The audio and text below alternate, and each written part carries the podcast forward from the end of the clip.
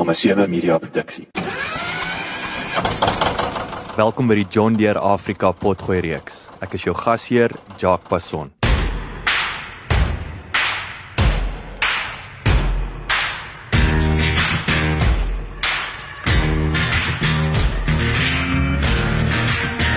As die kommersiële bestuurder vir Bayer SA se afdeling vir gewaswetenskap, is Kobus Steenekamp en sy span verbind daartoe om vernuwende oplossings te bied wat boere se oespotensiaal verhoog. Dit behels die beskerming van gewasse teen vernietigende siektes en peste. Die produkte wat wissel van hoë aangedrewe saad tot vindingryke biologiese en chemiese gewasbeskerming. Lewer Bayer wat onlangs ook die Amerikaanse biotehnologiese maatskappy Monsanto oorgekoop het. Inderdaad wetenskap vir 'n beter lewe. Lekker leer en lekker luister.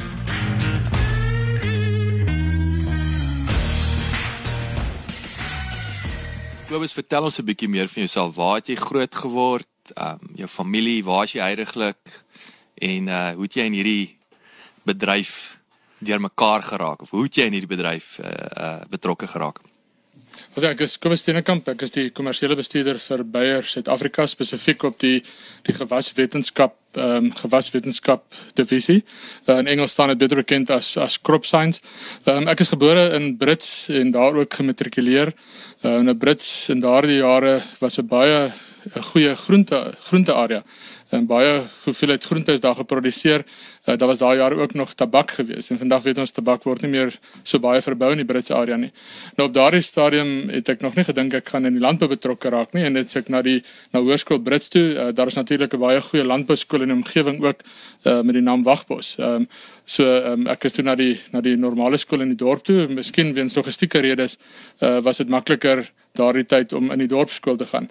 Uh, van daar het ek um, universiteit toe gegaan. Nou natuurlik volgens my ehm um, is daar altyd 'n stryder. Volgens my is Pretoria Universiteit een van die beste universiteite. Ehm um, ek dink daai tyd was die groot onderskeid as jy geweet het jy gaan boer, het jy waarskynlik na Vrystaat Universiteit toe na Vrystaat Universiteit toe gegaan. Ehm um, as jy meer akademiese rigting sou volg, met ander woorde as jy nie van 'n plaas af sou kom nie en waarskynlik tot diens van die boer sou wees in die toekoms, het jy na uh, Universiteit van Pretoria gegaan waar 'n baie meer fokus was op die wetenskap gedeelte en minder waarskynlik op die op die praktiese gedeelte tensy nou later uh, tensy nou later gaan spesialiseer soos wat ek dan ook gedoen het. Ehm um, so in die beginjare uh, BCA Griek honeurs gedoen veekunde weidingkunde en ek het ook seker gesien dat weidingkunde nie so interessant is soos byvoorbeeld onkruidwetenskap nie en en graangewasse as geheel en ek het toe later het ek 'n uh, MSc in onkruidwetenskap gedoen. Ehm um, vandag is my uh, promotor professor Reinhardt is verbonde aan die Universiteit van Noordwes. Natuurlik sal ek altyd 'n goeie band hê met die Universiteit van Noordwes want dit is waar ek later jare ook 'n MBA gedoen het. Nou as jy in 'n wetenskaprigting studeer, ehm um, enige BSc tipe rigting, dan is daar altyd 'n groot komponent wat ontbreek daar. So en dit is natuurlik die kommersiële aspek of die besigheidsaspek. En en as mense my vandag vra dan dan moedig ek hulle aan om die wetenskaplike rigting te gaan studeer, maar so vinnig as moontlik wat jou fondse jou toelaat of of die beskikbaarheid van beurse oorweeg besigheids uh, kwalifikasie ook. Uh, ek dink almal is nie almal is nie gemaak om boekhouers te word nie, uh, maar daar is seker komponente wat jy wat jy nodig gaan hê, uh, finansiële rekende, bemarkingsbestuur en, en so aan. Ehm um, ek het toe ehm um, aangesluit by uh, by Bayer uh daai tyd is nou my 24ste jaar by die maatskappy, maar die eerste 3 jaar was by Bayer gewees, Bayer Suid-Afrika. Uh, en toe het ek 'n breek gevat en is ek na Monsanto toe vir min of meer 19 jaar. En die groot aantrekkingskrag na Monsanto toe was op daai stadium die spoed waarteen hulle beweeg het, 'n uh, vinnig innoverende maatskappy en dit was ook die beginjare vir van die vestiging van biotehnologie. Natuurlik weet ons vandag uh, biotehnologie is krities vir ons vir ons boere, dit het hulle produktiwiteit uh, baie opgestel gestoot. Ehm um, so 2, 3 jaar terug het die uh, die onmoontlike natuurlik gebeur en as deel van konsolidasie het Bayer uh, besluit om Monsanto oor te neem en as ek nou weer so min of meer so 2 jaar terug by Bayer en baie trots om deel te wees van hierdie van hierdie pragtige maatskappy wat natuurlik die mees innoverende maatskappy ook is volgens my. So jy en jy het natuurlik kom kom ons praat net vinnig daaroor die ehm um, net terloops die MBA was dit onder uh, Tommy Du Plessis gewees. Um, prof hy het eers hy het eers 'n bietjie later jare. Hy later want hy, ek het daar, ja. Ek weet ja. ek dink hy's ook nou al afgetree ook uh, ou prof Tommy. Ehm um, maar uh, wat nou uh, interessant is Monsanto is natuurlik vir die ouens wat jy weet nie dis dis die Yanks. Hmm en Beyer natuurlik ek dink meeste mense weet Beyer is is is Duits. En is snaaks genoeg ek het ek het 1 jaar my ek en my vrou nog toe ons net uh, oor see was toe ons ehm um, die goedkoopste hotel wat ons kon kry was soos 'n halfuur met 'n trein uit Cologne uit. En ek onthou altyd die Beyer uh, fabriek ding wat ek en toe sê die ouens vir my dit is actually dit is die die die die die myn kantore nê. Nee, is is net so suid van van Cologne in in in in Duitsland. Of is dit is dit nie Ja so ek weet uh, vandag is dit in Leverkusen dis waar van die hoofkantoor is maar jy moet nou onthou uh, Bayer beskik oor verskeie divisies. Ja maar sê dis nie net een een kampus Ja so die crop science is waarskynlik in is in waarskynlik in een area en dan farmaseuties en en verbruikersgesondheid is weer in 'n ander area. En uiteindelik het jy dan een oorhoofse uh, sogenaamde hoofkantoor waar dinge bymekaar kom. En dis nou waar is dit wat in Leverkusen in Duitsland ja. Waar is dit? Uh, ja, ek was nog nie self daar gewees nie. Um, ons behoort seker in die volgende tye na COVID-19 behoort ons 'n draai daar te kan maak. Maar uh, met die samekoms is daar ook besluit dat Amerika met hulle so geweldige belangrike deel van die besigheid nou bydra, uh, is daar ook dan 'n baie sterk uh, fokus nog steeds op die saadbesigheid en die biotehnologie in Amerika spesifiek in St. Louis, uh, waar dan die meeste van uh, van die maatskappye se uh, navorsing dan ook vandag nog gedoen word en waar baie van hierdie uh, baanbrekers werk dan baie jare terug uh, ook gedoen is. Bayer beskik oor hul eie professionele sokkerklub, naamlik Bayer 04 Leverkusen voetbal. Daai is 'n mondvol. Die klub neem deel aan die Bundesliga, die vernaamste kompetisie in Duitsland en hulle speel hulle tuiswedstryde in die Bayer Arena. Die klub is in 1904 gestig deur werknemers van die Duitse farmaseutiese maatskappy Bayer AG, wie se hoofkantoor in Leverkusen is en van daardie naam van die span. Bayer het in 1979 die eerste keer aan die Bundesliga deelgeneem. En hoewel hulle nog nooit die kompetisie kon wen nie, het die klub reeds 5 keer tweede geëindig. Kom ons praat so vinnig 'n bietjie oor die en, en net terloops, ons gaan net 'n tree terug, maar jy's nou in Heidelberg. Hoe het jy daar? Wat wat wat's in Heidelberg? Ek bedoel in Brits natuurlik wat ek ook wil aanraak. Hoe kom dit die ouens byvoorbeeld nou ophou tabak plant in in Brits? Ja, ek dink dit is miskien as ons begin by hoekom ek woon in Heidelberg en um, ek is getroud met 'n wonderlike vrou en ons het vier kinders. Ehm um, en op 'n stadium uh toe ek bevordering gekry het by Monsanto, moes ons nader na ons Gautengse kantoor toe gekom het. Op daardie stadium het ons in Potchefstroom gewoon en ons wou nie na die na die stad toe beweeg het nie en en Heidelberg was 'n baie baie goeie tussenin plek geweest. En uh, die tweede rede wat wat dit versterk het is uh my vrou het identiese tweeling sussie en dit het bygedra uh tot ons stabiliteit uh omdat ons baie reis, ehm um, was dit nou baie goeie netwerk om te hê uh met met 'n sussie daar, uh, beide gesinne het 3 uh, en 4 kinders, so die kinders ehm um, geniet dit me, geniet mekaar en hulle kon saam saam met mekaar tyd spandeer in tye wat ek moes reis. Uh ook het ons baie funksies bygewoon. So baie Vrydag aande en Saterdag aande uh, was ons uit huisigheid en dan was dit baie gerieflik en gemaklik om weet die kinders is by 'n veilige veilige plek. Nou vandag ehm um, twee van my kinders reeds natuurlik by Pretoria Universiteit en omdat ek so groot voorstander is van landbou in Suid-Afrika en ehm um, die die die belangrike rol wat landbou speel ehm um, toe die dag toe na my, my kinders na my toe kom en sê hulle wil uiteindelik 'n BSc of 'n BSc Agric rigting gaan studeer, het ek dit ondersteun want uiteindelik moet jy doen waarvan jy hou. Ehm um, die oudste seun is nou 4de jaar uh, student BSc Agric uh, plantproduksie en grondkunde en natuurlik uh, die eerste seun of die die tweede seun dan is nou eerste jaar uh, in 'n BSc rigting wat meer in die in die rigting van ekologie gaan. Uh, die ongelukkigheid natuurlik is hulle ek dink hulle was 2 maande op kampus en toe word ehm um, die inperkingsmaatreëls daar gestel en dit lyk selfs vir die tweede semester of hulle nie gaan klas toe gaan nie. So uh as mens nou gaan terugdink kon hulle amper by Unisa ingeskryf het vir hierdie jaar want alles is is afstand onderrig. Miskien net 'n kompliment in hierdie tyd is hoe die universiteite dit hanteer. Ek dink die kinders geniet dit nog steeds en hulle kry hulle volle waarde vir hulle geld uh met die opleiding en die die praktiese ehm um, komponente is oorgeskakel na aanlyn komponente en um, ek dink dit dra nog steeds baie goeie waarde. Ek weet nie jou jou jou laaitie die eerste jaar se se persoonlikheid is nie, maar ek weet ek sou my pa baie geld gespaar het as ek in COVID nou van die huis af moes leer want ja, uh, ja, want daar het nie baie leer plaasgevind andersins.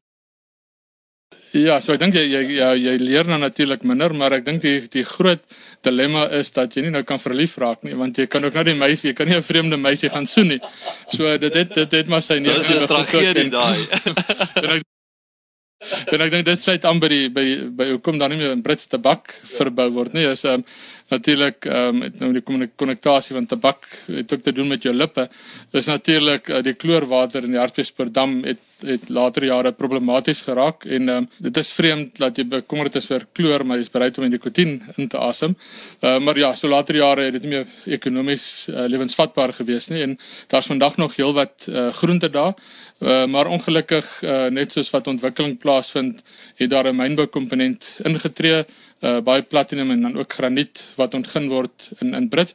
Dit bring natuurlik sekere voordele maar ook sekere nadele uh, vir die omgewing en veral uh, in die in die bedryf wat ons is, die beskikbare grond uh, word minder. En ongelukkig vandag as jy kyk waar die lughawe oor Tambo gevestig is en waar die mynuitbreidings vandag plaasvind in die ooste van die land is ongelukkig op die mees produktiewe grond. So ons verloor ja, ons verloor baie goeie grond, hoër reënval areas uh ten koste van van ontwikkeling en dit is weer eens een van daai dilemma's. Ons wil vooruitgaan, ons wil meer elektrisiteit hê en ons wil 'n sekere lewenstyl handhaaf. Uh, maar dit skep dan dit skep so, dan so ander sê, probleme. Baie jare gelede toe die ouens nou moes besluit waar om die lughawe te bou, is dit is dit is dit oor tegnologie dat die ouens vandag weet daai is belangrike landbougrond of uh, weet of of ek sê 50 of 60 jaar gelede het hulle nie besef dis belangrike landbougrond nie. Wat ja. wat sê rede ek wil ek ek ja. wil half my eie vraag antwoord sê ek ek wil hoop dat hulle nie geweet het dit is ja, belangrike ja, landbougrond nie. Ja, dat waarskynlik waarskynlik is dit dat nie geweet het nie. Landbougrond was ook volop gewees en natuurlik het niemand voorsien dat ons op pad is na 10 uh, 10 miljard mense nie. Ek dink daai uh, bevolkingsontploffing het natuurlik nou ander druk. Daai wêreld vraag na die, ja, so, na, na, na kos, nee, so dit het ons ja. nooit geantisipeer. Dis reg, ja. Wel, dis dis baie interessant. So kom ons uh, jy weet so, so jy om terug te kom na Monsanto in, in Beyer, so jy sit met Duitsers, jy sit met Amerikaners. Vertel ons 'n bietjie dan, kom ons fokus 'n bietjie op die besigheid. Hoe lyk hoe daai kultuur, is daar 'n kultuur clash gewees of is dit ek wil sê is dit die beste van beide wêrelde? Hoe ervaar julle daai samesmelting? Ja, ek dink ehm um, normaalweg as 'n Europese maatskappy met 'n Europese maatskappy saamspel, dan gaan dit waarskynlik makliker en as 'n Amerikaanse maatskappy met Amerikaans, uh, dan gaan dit ook makliker. Uh maar ek dink in hierdie geval bring dit die beste van twee wêrelde bymekaar. Uh Monsanto baie innoverende maatskappy, baie vinnige besluitneming en het die besluit so on the go het hulle het hulle dit aangepas waar nodig is. Uh teenoorgestel daarmee was Bayer waarskynlik meer prosesgedrewe en het deur verskillende fases gegaan en het dan uh, tyd geneem om al die al die besluite goed deur te dink.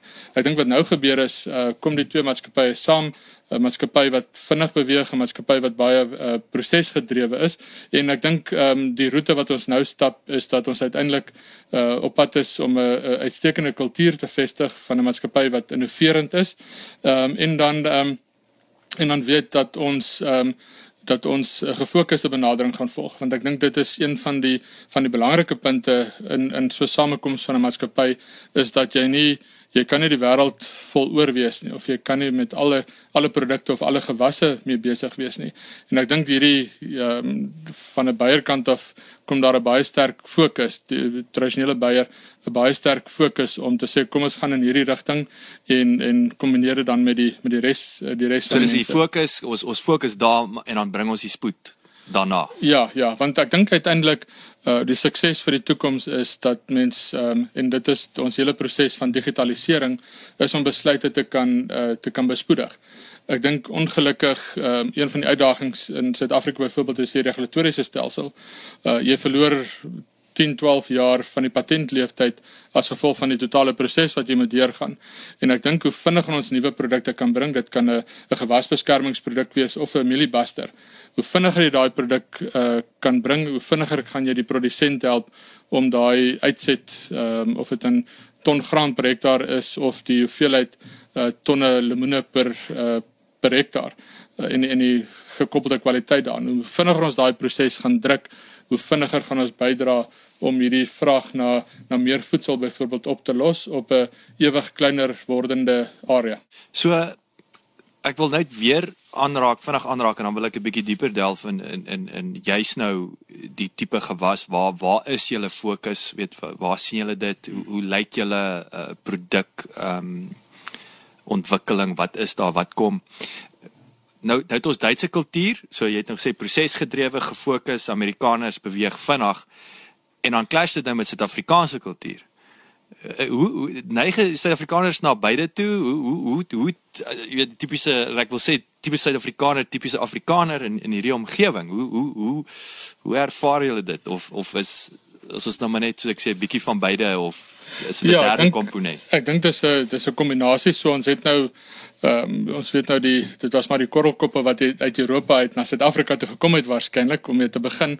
So ek dink ons het daardie komponent, maar dan het ons natuurlik 'n uh, 'n uh, weier diverse uh, diverse komponent waar ons ehm um, uh ekwiteitswerkgewer is vir ehm um, verskeie mense in Suid-Afrika en ons probeer so divers as as moontlik wees. So ek dink in daai in daai hele pot bring ons verskillende kulture bymekaar, uh mense van verskillende ouderdomme, ehm um, en nou verskillende agtergronde. En ek dink dit is wat wat ons gaan dryf vorentoe waar jy ehm um, ons met 'n unieke kultuur uh vestig vir ons besigheid in Afrika.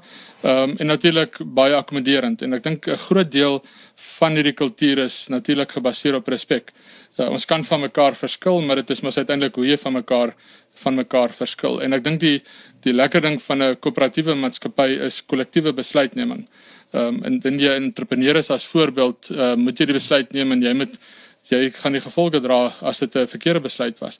Ehm um, in die korporatiewe korporatiewe omgewing is daar baie vangnette en en word besluite dan saam geneem, uh, alles word gedebatteer.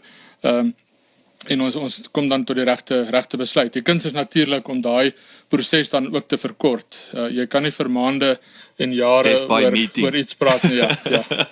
ja, jy praat en ek dink del baie uh, koöperatiewe omgewings is is is skuldig daar, nê. Nee. Is net is gepraatry en, en en en en niemand doen niks nie. Ja, ja, want dit sê uiteindelik aan uh, miskien kan ons 'n bietjie praat oor ons visie. Ja, uh, want ek dink my volgende vraag nou, wil weet hoe sien julle dinge nou met hierdie nuwe uh uh masjien? Ja, ja, want ek dink dit is baie belangrik want jy kan 'n jy kan 'n visie hê en en en missie en alles en dan vergeet jy om dit te implementeer want dit is gewoonlik waar waar dinge baie keer skeefloop of jy kan 'n baie mooi uh raadsaal visie hê, maar jy het nie die jy het nie die toolbox of die hulpmiddels om dit dit tot uiting te bring nie.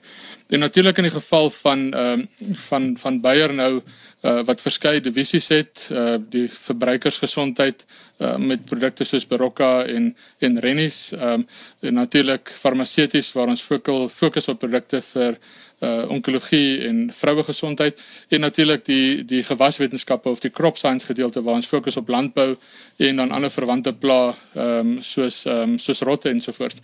Ehm um, ek dink ons het die voordeel dat ons al hierdie kan saambring en en vroeër vanjaar het Bayer dan ook hulle nuwe visie bekend gestel.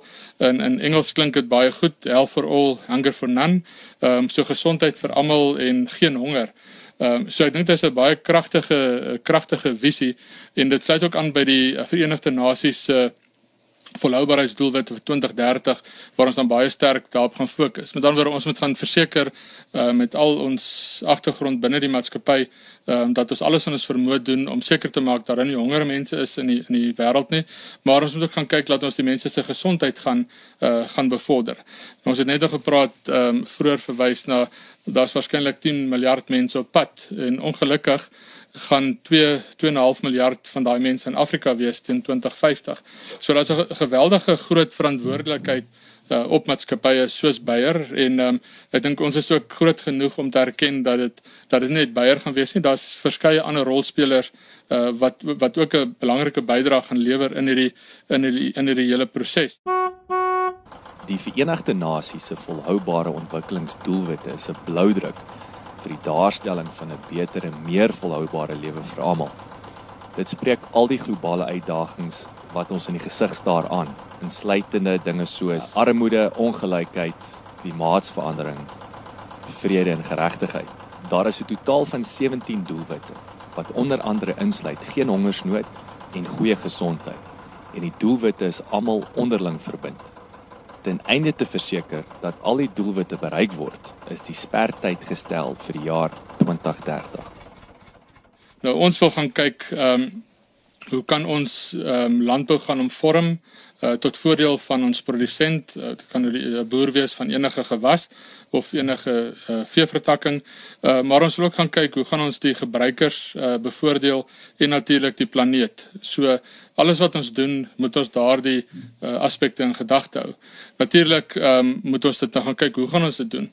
Ehm um, en dis wat ek net al gesê daar jy moet die jy moet daai ehm um, beginsels hê van hoe jy dit uiteindelik gaan doen, daai toolbox wat jy gaan hê. En, en daar's basies drie fokusareas vir ons. Ehm um, ons wil natuurlik gaan kyk dat ons wêreldklas innovasie na vore gaan bring.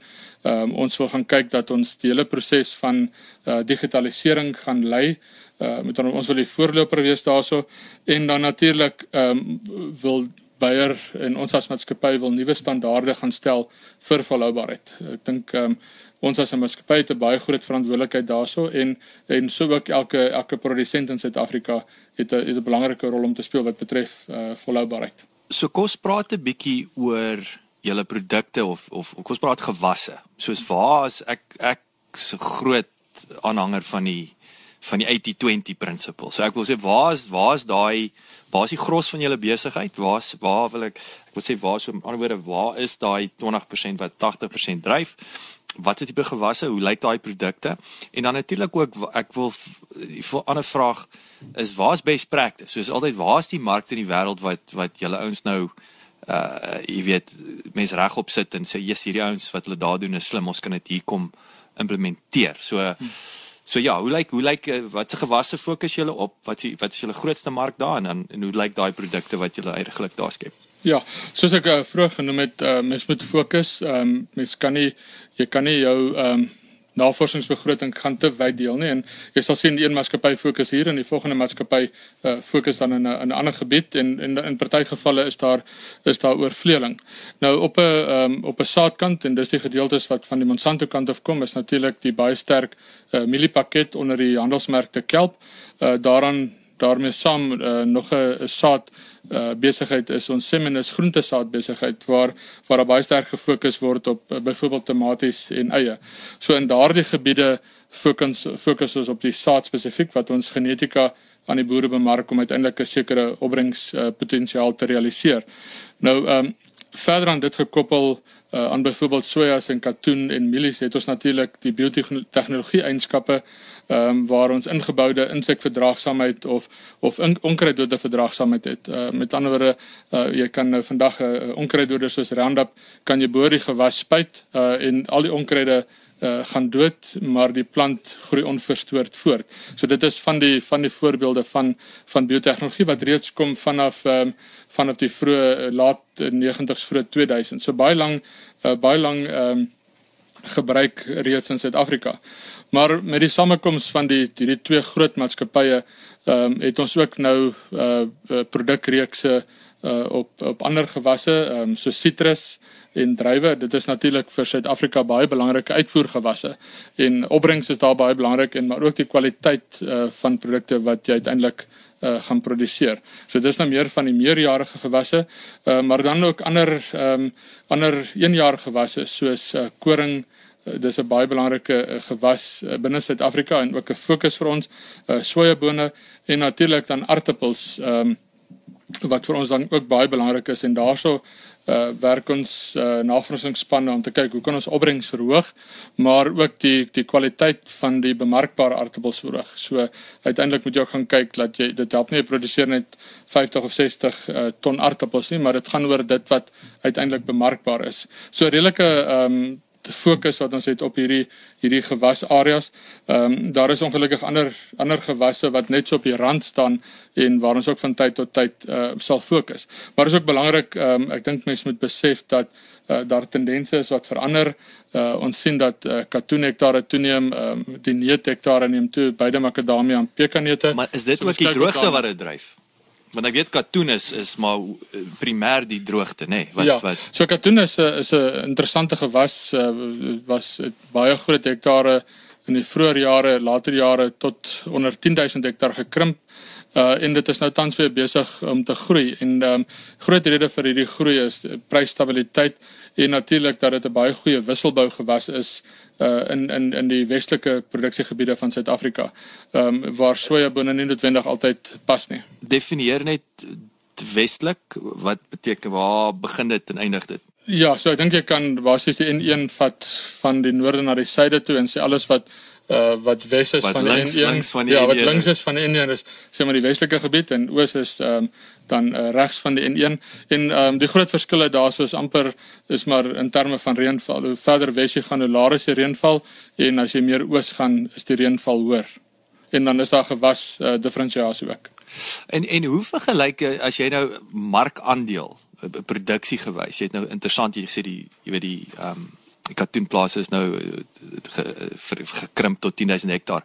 Hoe vergelyk daai as jy nou praat van aardappels, weet jy groente versus versus graan byvoorbeeld. Uh, wat is daai hoe groot is groente?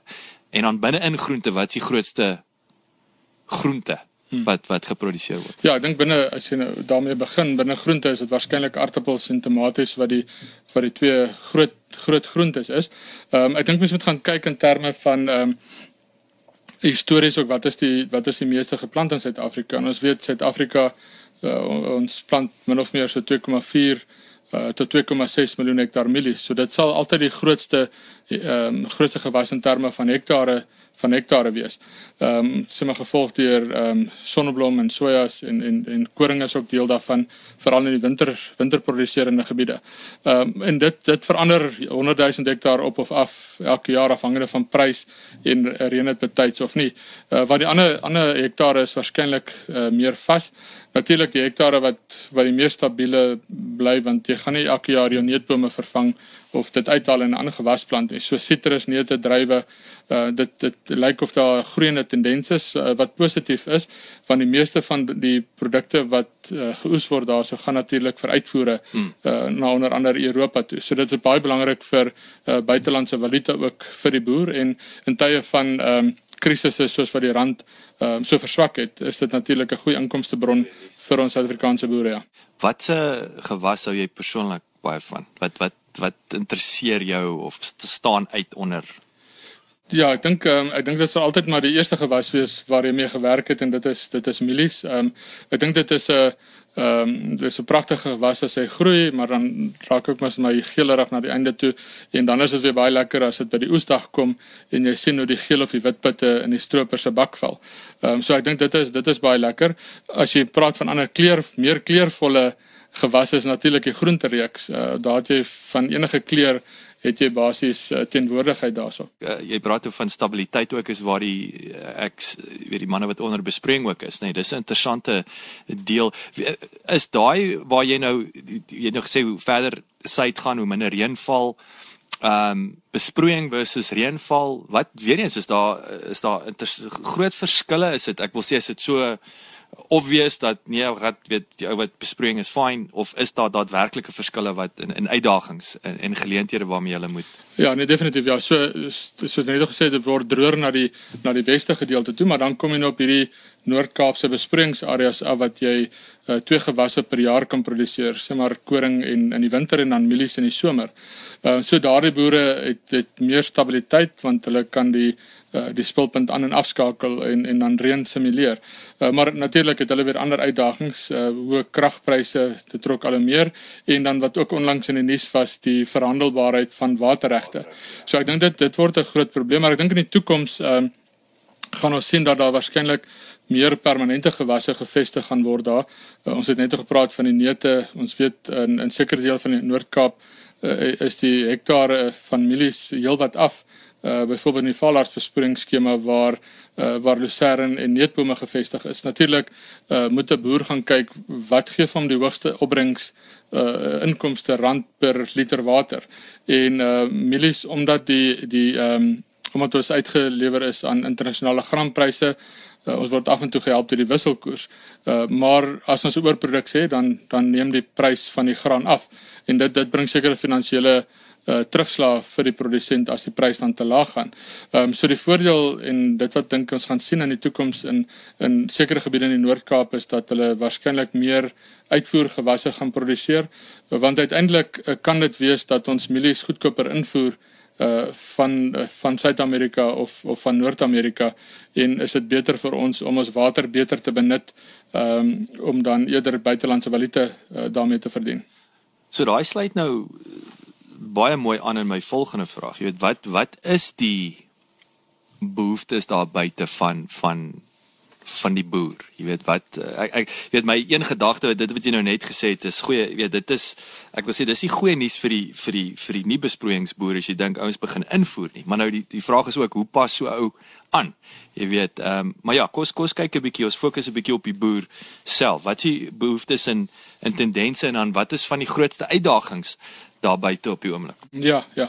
So ek dink dit is baie belangrik en ehm um, ehm um, ek dink en, en dit is altyd lekker as jy in die buitelug kan wees en jy kan in die trekker ry en jy kan uh jy kan grondvoorbereiding doen en jy kan plant en jy altyd buitekant wees, maar dit is een faset van die boerdery en en en ek dink dis nie noodwendig die deel wat jou die mees suksesvolle gaan maak nie. So uiteindelik uiteindelik gaan jy balans moet kry want daar's 'n paar behoeftes en tendense wat wat aan die verander is. Ehm um, as ons net gaan kyk na uh, die geval van insette byvoorbeeld in die area waar ons dan betrokke is, ehm um, ehm um, as voorbeeld uh, outomatisering vind plaas van van trekkers en en toerusting. Al hoe meer rommeltuie of drones word gebruik om te help met besluitneming. Ehm um, ons sien ook nou uh, as gevolg van die konsolidasie van van die insetverskaffers soos Bayer en Monsanto en en 'n paar ander uh, dat ons meer beweeg na uh, diensgebaseerde modelle en en oplossings aanbied as waar mense gaan kyk net na een enkele produk. So uh, die tyd is verby waar waar net een produk ehm um, vir uh, bemark word. Dis so, so ek wil sê is 'n solution selling. Ja, jy kyk na die totale oplossing. Hmm. Ehm um, dan natuurlik nuwe tegnologie waarmee ons ook uh, dan besig is, ehm um, wat gaan help om om uh, opbrengs verder te verhoog. Ehm um, miskien kan ek hier so 'n interessante een noem, dit sluit my baie goed aan. Ehm um, is die hele ehm um, beweging rondom uh, kort statuur mielies. So in, in Engels is dit nou uh, short stature uh, maize. Met ander woorde, ons kyk in ons teelproses of dit nou uh, normale teeling is of een van die uh, moderne teeltegnieke is om te kyk hoe kan jy die die hoogte van die van die mielieplant uh, verlaag. En dit dit bring verskeie voordele. Uh een van die grootes is natuurlik dat meer van die energie gaan in graanproduksie. Jy hoef nie al daai blaarmateriaal te hê nie. Uh tweede belangrike een is dat jy gaan 'n uh, topproduserende baster hê wat nie gaan omval nie want hy's redelik uh laag gegroei. Uh ander voordeel byvoorbeeld is in terme van hoogloopspuite uh, wat vandag baie gebruik word en dit is soms 'n beperking as die mielies te hoog uitgroei uh, dat die plant nie meer uh vrylik bo oor die mielies kan beweeg nie. As ons gaan oorbeweeg na hierdie mielies wat wat 'n korter groeiwigte het, uh gaan ons uh, baie meer gereeld en op 'n laat stadium uh, regdeur die seisoen sal ons oor die oor die gewas kan beweeg. Ehm um, so dit gaan 'n voordeel in. Hoe wat wat is daai as ons nou sê korter? Met hoeveel is 'n persentasie wat wat praat ons hier? Die helfte van die grootte kwart. Ja, ek dink dit sal dit sal wissel van baster tot baster, maar ehm um, rolweg sonder dat ek dit nou self ehm um, gemeet het is seker 20-25%. So jy gaan 'n redelike 'n uh, redelike verlaging in in die hoogte hê. So jy gaan nie meer bragging rights hê van hoe hoog jou milie. Nee, dit is dis ja. nou daar's nou daar is mos nou 'n uh, ek wil sê 'n bietjie 'n uh, uh, meriete in die hoogte van jou milie nê, nee, bragging ja, rights, ja. maar ja. Ja, dit is dit was nogal so, ehm um, jy sien baie fotos in tydskrifte waar die boer staan, hou hy sy hand in die lug en dan groei die uh groei die bloeiwyse bokant sy hand uit. En uh, ek dink dit is ehm um, dit is mooi en dit's pragtig. Uh maar dis nie noodwendig die hoogs produserende mielie nie. Ja, hulle is nie blom, hulle is nie hulle hy is in die blom besigheid. ja, ja. So as jy as jy daai kan verkoop. Natuurlik ehm um, ander dinge wat uh, uitdaging vir ons as maatskappy is in hierdie insetomgewing is die uh die die voortdurende verwydering van gewasbeskermingsmiddels. Uh middels wat onttrek word omdat nie meer aan Europese invoerstandaarde voldoen nie. So dit is 'n belangrike fokus vir ons en waar ons dan kyk na biologiese produkte. Ja, ek wil sê gif versus biologiese oplossings, nee. Daai ja, dis ja. ek wil sê dis 'n vloekwoord, die ja, gif, die gif komponent. Ja, ja. daai daai woord en ek wil hom nie self Ja, ek wil sê ek weet die manne um, raak sommer um, ons praat van gewasbeskermingsoplossings en um, en ek dink daai woord um, het het 'n baie negatiewe konnotasie gebring want gewasbeskermingsmiddels uh, daar's baie veilige veilige produkte op op op 'n stadium toe die met die rooi uh, bande rooi kleurbande geregistreer was was dit die beste oplossing vir daardie tyd. Maar vandag is daar 'n baie sterk neiging na die die die minder uh, minder skadelike produkte dan natuurlik as ons kom by die boer ons het 'n bietjie gepraat oor insette as ons nou kom by die by die boer gedeelte, ehm uh, die boer gaan natuurlik sy uitset aanhoudend moet verhoog om om uh, lewensvatbaar te bly. Dan natuurlik digitalisering, ehm um, ons gaan nou 'n bietjie meer daaroor praat oor die tegnologie wat ons daar beskikbaar het, uh, maar dit gaan natuurlik sy besluitneming vergemaklik. Ehm um, en ek dink jy sal baie keer hoor ehm um, 'n produsent vir jou sê hy het vandag hard geboer maar hy was nie uit sy studeerkamer gewees en dit is vandag 100% moontlik want jy kan ten alle tye van die dag kan jou toerusting dophou en kyk dat dit effektief uh, funksioneer. Natuurlik uh, klimaatsverandering en dit is natuurlik iets wat wêreldwyd gebeur en dan innoverende maatskappye soos Bayer uh, moet dan natuurlik help om oplossings daar te kry. Uh, ons het self het ons ook dan ehm um, sekere commitments gemaak vir die toekoms uh, waar ons ook dan ehm um, CO2 emissies in die gewasse waarby ons betrokke is wil verlaag.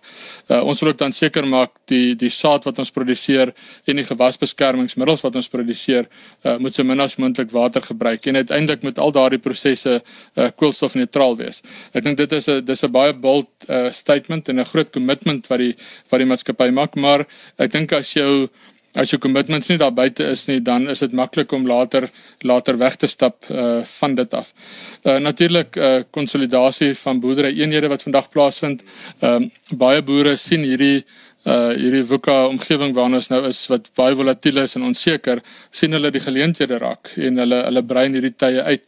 Uh maar ons as 'n maatskappy het nie net 'n verantwoordelikheid teenoor hierdie hierdie groter wordende eenhede nie. nie. Ons um, ons respekteer ook nog die die tradisionele familiebesigheid. Uh en dan het ons 'n baie groot verantwoordelikheid ook om kleinskaalboere uh ook te bemagtig met die tegnologie wat ons beskikbaar stel. En uh dis vir ons baie lekker om te sien dat uh kleinskaalboere ons tegnologie kan gebruik omdat dit skaalneutraal is. Met ander woorde, 1 hektaar grootte boer kan dieselfde voordeel kry uh as 'n as 'n 1000 hektaar boer. En dan net om hierdie deel miskien oor die tendense af te sluit, uh natuurlik is daar dan die voedselwaardeketting en uh ons sien al hoe meer ehm um, druk daar kom dat eh, die manier hoe voedsel geproduseer moet word word voorgeskryf. Uh, baie van hierdie is positiewe goeders waar ons sê kom ons produseer voedsel met met minder chemiese produkte en bietjie meer biologiese produkte. Ehm um, en dit skep natuurlik vir ons 'n geleentheid om innoverend daar uh, te kan wees om te kyk hoe kan ons help om dan ook in hierdie markte uh, die boere te te bemagtig om dit wel te kan doen. Uh, want uiteraard is hierdie ehm um, organiese biologiese tipe marke is 'n baie goeie nismark vir die produsente en natuurlik kan hulle 'n hoër inkomste genereer uh, vir elke hektaar of ton wat hulle dan gaan produseer. En en daai is vir my wat vir my baie interessant is en ek en ek en ek sien dit nou weet ek jy het vroeër het ons oor vee gepraat en en en ek dink met met of selfs nou waar ek in die Noord-Kaap teruggekom het oor die naweek waar die ouens hulle waardeketTINGS verkort. Jy weet waar hulle meer prysmakers word as as nie. Maar ehm um, dis vir my duidelik in hierdie tyd dat veral van die verbruiker dryf as as jy nie vir die verbruiker kan wys of jou jou waardeketting sigbaar maak hmm. nie, gaan jy of nommer 1 nie jou produk verkoop oor 10 jaar van af nie of jy gaan nie die premie kan kry nie. En dis my baie opwindende ding want nou wil die nou wil ek as as as as mieliepap koper, ek wil weet ek wil net weet waar my mielie vandaan kom nie. Ek wil weet wat is op daai mielie hoe is daai mielie geproduseer nê nee? en en dit gaan al hoe meer belangriker word. Nee, definitief ja, ek dink dit dit is wat die waarde uh, die waarde verder gaan ontsluit word, maar ek dink in hierdie hele proses is dit baie belangrik om dan ook en dit is 'n uitdaging vir ons, is 'n uitdaging vir uh, vir verskeie ander maatskappye ook is natuurlik om die regte talente kry om saam met ons in die toekoms in te gaan. Ek dink die skillset van van 5 jaar terug en die skillset wat ons oor 5 jaar gaan benodig, gaan totaal verskillend wees. Uh 5 en 10 jaar gelede uh, was daar baie groot tekort aan tradisionele teelers en, en ons was baie bekommerd daaroor geweest. Uh, baie min mense het meer studeer in die rigting van um, van genetika en daai tradisionele teeling. Vandag is dit amper 'n beroep wat uh, in minder aanvraag is omdat die proses baie gedigitaliseer is. Uh, Natuurlik nou uh, die die menslike inset is nog steeds belangrik daarso daai instink en en gut feel. Uh, maar met digitalisering kan ons nou data baie vinniger uh, vinniger verwerk amper soos wat die wat die die die navorsingsstroop of die proewe stroop kan jy in jou kantoor sit en jy kan reeds sien uh, watter busters moet jy reeds ehm, 'n um, week later gaan plant om seker te maak dat jy die volgende jaar daarvan saad het. So daardie hele proses uh, nie net op die teelingkant nie maar ook op die gewasbeskermingskant waar robotika baie groot rol speel. Dit word dit word al hoe belangriker. So um, aan die een kant kan werksgeleenthede verlore gaan, maar aan die ander kant het jy skep jy werksgeleenthede waar waar mense waar jy meer datawetenskaplikes aanstel of mense wat ehm um, elektronika goed verstaan want hulle gaan moet werk op hierdie hierdie robotika en die drones en so aan. Ek ek ek maak altyd 'n tong in die kies. Ek sê ek maak 'n grap, maar ek maak ook nie 'n grap nie waar ek vir ouens sê ja, okay, die die die trekker drywer gaan sy werk verloor, maar daai trekker drywer gaan die ou wees wat die elektriese trekker moet charge en hom moet download. So hy gaan hy gaan nie die trekker die trekker drywer van die toekoms gaan hy gaan sy rol gaan verander, nê. Nee, so jy sê if jy ja. een vandag is hy 'n bestuurder, môre is hy 'n aflaier van, ja. van van van data. Ja, en ek dink as jy vandag in 'n in 'n trekker of 'n stroper gaan sit, gaan jy sien is baie gesofistikeerd. Daar's baie tegnologie en en ehm um, daar's redelik upskilling wat plaasvind om seker te maak dat jou jou trekker drywer uh, en jou stroper drywer verstaan waarmee hy besig. Wat is uh, ons het nou nou ons het ek het vergeet om terug te kom daarna, jy weet, waar waar is eh, best practice in die wêreld op op op hierdie stadium? Ek weet ons is natuurlik Suid-Afrika, die ouens is is is met die ehm um, tegnologie en die implementering daarvan is is is sterk voor. Wat wat se ander land staan uit met hoe hulle te werk gaan of of sal ek sê ek wil sê en dan wil ek daarbey aansluit. Jy weet wat hoe lyk die boer van die toekoms? So ek wil sê wie lyk die meeste hmm. soos die boer van van die toekoms op hierdie stadium? Ja, so ek dink dis nou dis nog 'n belangrike vraag daardie en um, ons as uh, as 'n land voel ons is baie groot binne ons konteks. Uh, maar 2,5 miljoen hektaar teenoor 40 50 miljoen hektaar van die FSA is is, is baie klein. Uh, maar ons hoof uh, bronne van tegnologie en verwysing is die FSA en natuurlik dan die Suid-Amerikaanse lande. Dit is vir ons twee baie goeie uh, verwysingsraamwerke. Vir ander um, gewasse en waarskynlik meer konvensionele rigtings is die Europese Unie is baie belangrik. Ehm uh, vir uh, wingerde, sitrus, uh, daai tipe goeders steek ons baie kers op daarso. Maar uiteindelik gaan dit oor oor wie is die hongerste om die nuwe tegnologie te aanvaar. Uh wie wil 'n verskil maak en wie's meer ehm uh, wie's meer afhanklik van hierdie tegnologie en ek dink dit is waar die Suid-Afrikaanse boer of die Suid-Afrikaanse produsent de, definitief uitstaan. Uh ons het gereeld interaksies met ehm uh, met boere van reg oor die wêreld uh, waar ons ons produsente in kontak stel met hulle en hulle stelkens verbaas dat uh die, die feit dat hulle soveel reg kry met soveel min hulpbronne. Dit is nou subsidies aan die een kant gelaat. As mens net hier gaan kyk na uh die omgewing waar ons met boer die lae reënval, uh die grondtipes en so aan.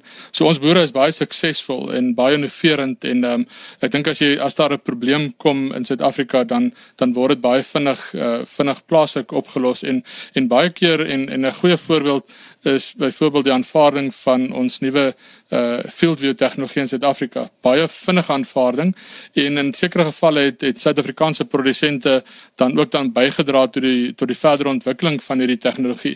Uh so vir geen oomblik hoef ons produsente uh terug te staan nie. Um ek dink dis altyd 'n goeie voorbeeld. Um ek dink as jy nie 'n taal kan praat nie, is jy dom.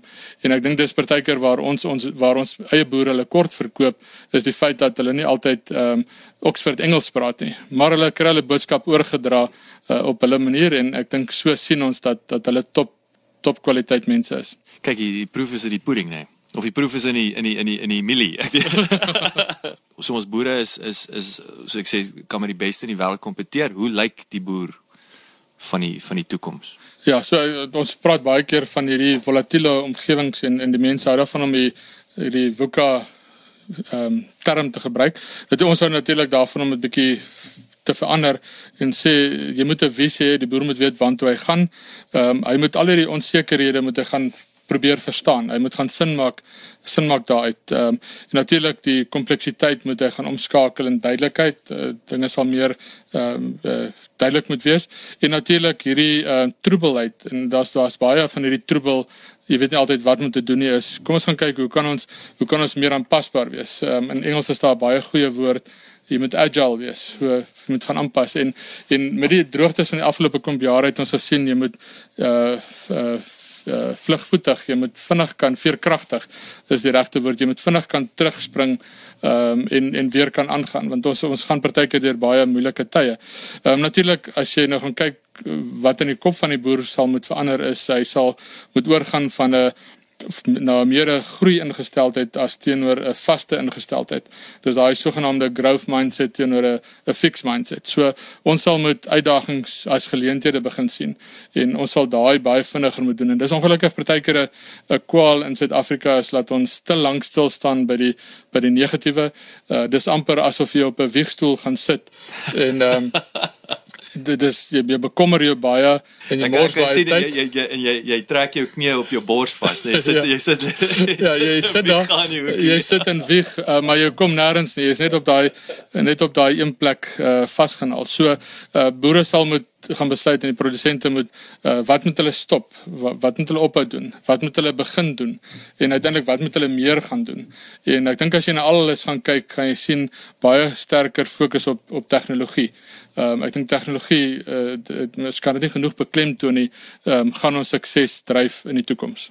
En en is daai ek ek, ek dink die die groot ding dit kom terug na die voorbeeld wat ek van die van jou waarde of die sigbaarheid van jou waardeketting. Ek neem aan ook met met big data, met data wat al hoe meer teenwoordig is, nou, is weer om daai ek ek haak altyd vas met best practice. Jy weet soos ek sê jy moenie die wiel gaan herontwerp of of of of uh uh, uh invent nie. So ek neem aan ook 'n boer gaan in 'n posisie wees om vinniger te sien wat sy buurman 500 km in die straat daar wil ek sê doen wat werk en hy kan dit onmiddellik toepas nê nee, want dit voel vir my ook die boere is nog dis nou net my en dalk kan jy vir my sê hoe, hoe ervaar julle dit maar dit voel vir my daar's nog steeds daai ehm um, wat noem hulle dit hulle hulle studiegroepe. Jy weet waar is daai 10 ouens of daai 15 ouens? Ja alles alright maar wat nou van die ander 20000 wat nie in daai kamertjie sit of ingelig is nie. So hoe hoe sien julle daai komponent in terme van die data deling of best practice deling op die verskillende tipe boerderye? Ja. So ek dink dit is waar ehm um, programme soos uh, Nasie gesprek en landbeweekliks ehm um, 'n besondere besondere rol speel om hierdie kruisbestuiving te teweeg te bring. Ehm um, jy moet onthou ehm um, jy kry 'n kleiner boerdery en 'n groter boerdery. Groter boerderye uh, stel dalk 'n eie uh, rekenmeester aan en het hulle eie landboukundiges uh, waar die die kleiner boer moet van uitgekontrakteerde dienste gebruik maak. Nou ehm um, ek dink 'n baie goeie voorbeeld is seker uh, Nick Serfontein uh, daai die Vrystaat gedeelte en ek dink hy het ook die die boerdery sake baie op die voor, voorgrond gestel en en programme soos daai um, ek dink daar was nog 'n programreeks mega boere. Um, daar's daar's 'n groot groep boere wat na vore gekom het uh, wat wat bereid is om as mentors op te tree.